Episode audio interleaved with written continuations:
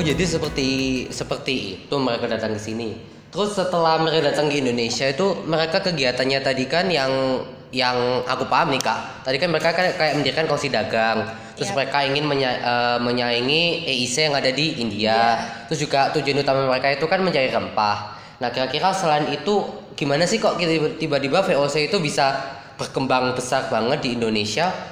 Paham nggak maksud pertanyaannya? Aku? Paham, paham banget gini. Jadi gini, kan VOC itu pertamanya datang ke Indonesia tuh buat apa ya? Buat memperlancar jalur perdagangnya si Belanda itu kan. Karena VOC itu bagi mengupayakan bisa mengeksplor semua rempah-rempah yang ada di Indonesia dibawa ke negerinya ke sana.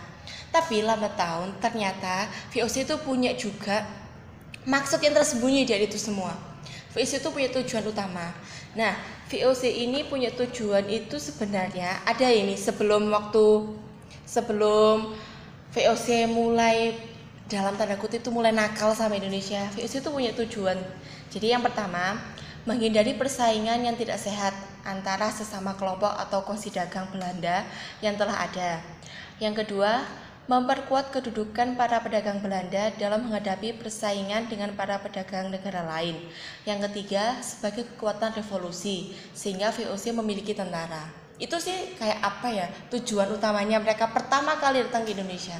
Namun di balik itu semua, VOC itu ternyata punya tujuan tersembunyi dan tujuan tersembunyi itu di dibelenggu dengan kata-kata hak oktroy.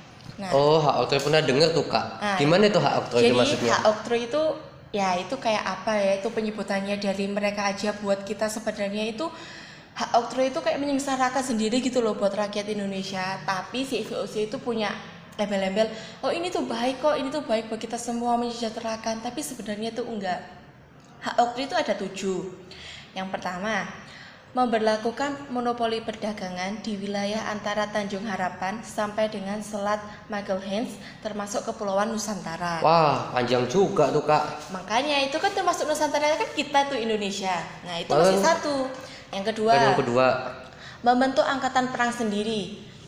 Yang perlu sih yang dipertanyakan adalah VOC itu kongsi dagang, kok ada angkatan perang? Nah, itu juga termasuk menyengsarakan Indonesia. Jadi Ada kayak, bentar kak. Jadi kayak semacam negara di dalam negara gitu nah, ya? betul sekali. Oh. Memanfaatkan, jadi parasit gitu loh. Oke oke, lanjut yang nih kak. ketiga, melakukan peperangan. Nah, ini ada hubungannya yang kedua.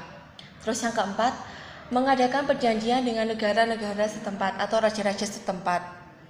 Yang kelima, mencetak dan mengeluarkan mata uang sendiri.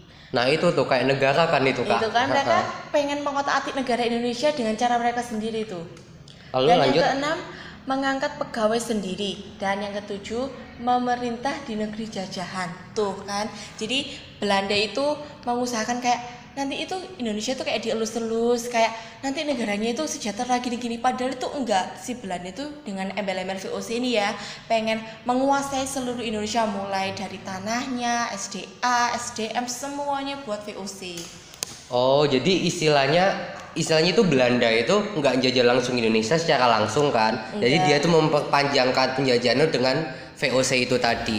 Oh, Oke oke oke oke mulai paham nih kak.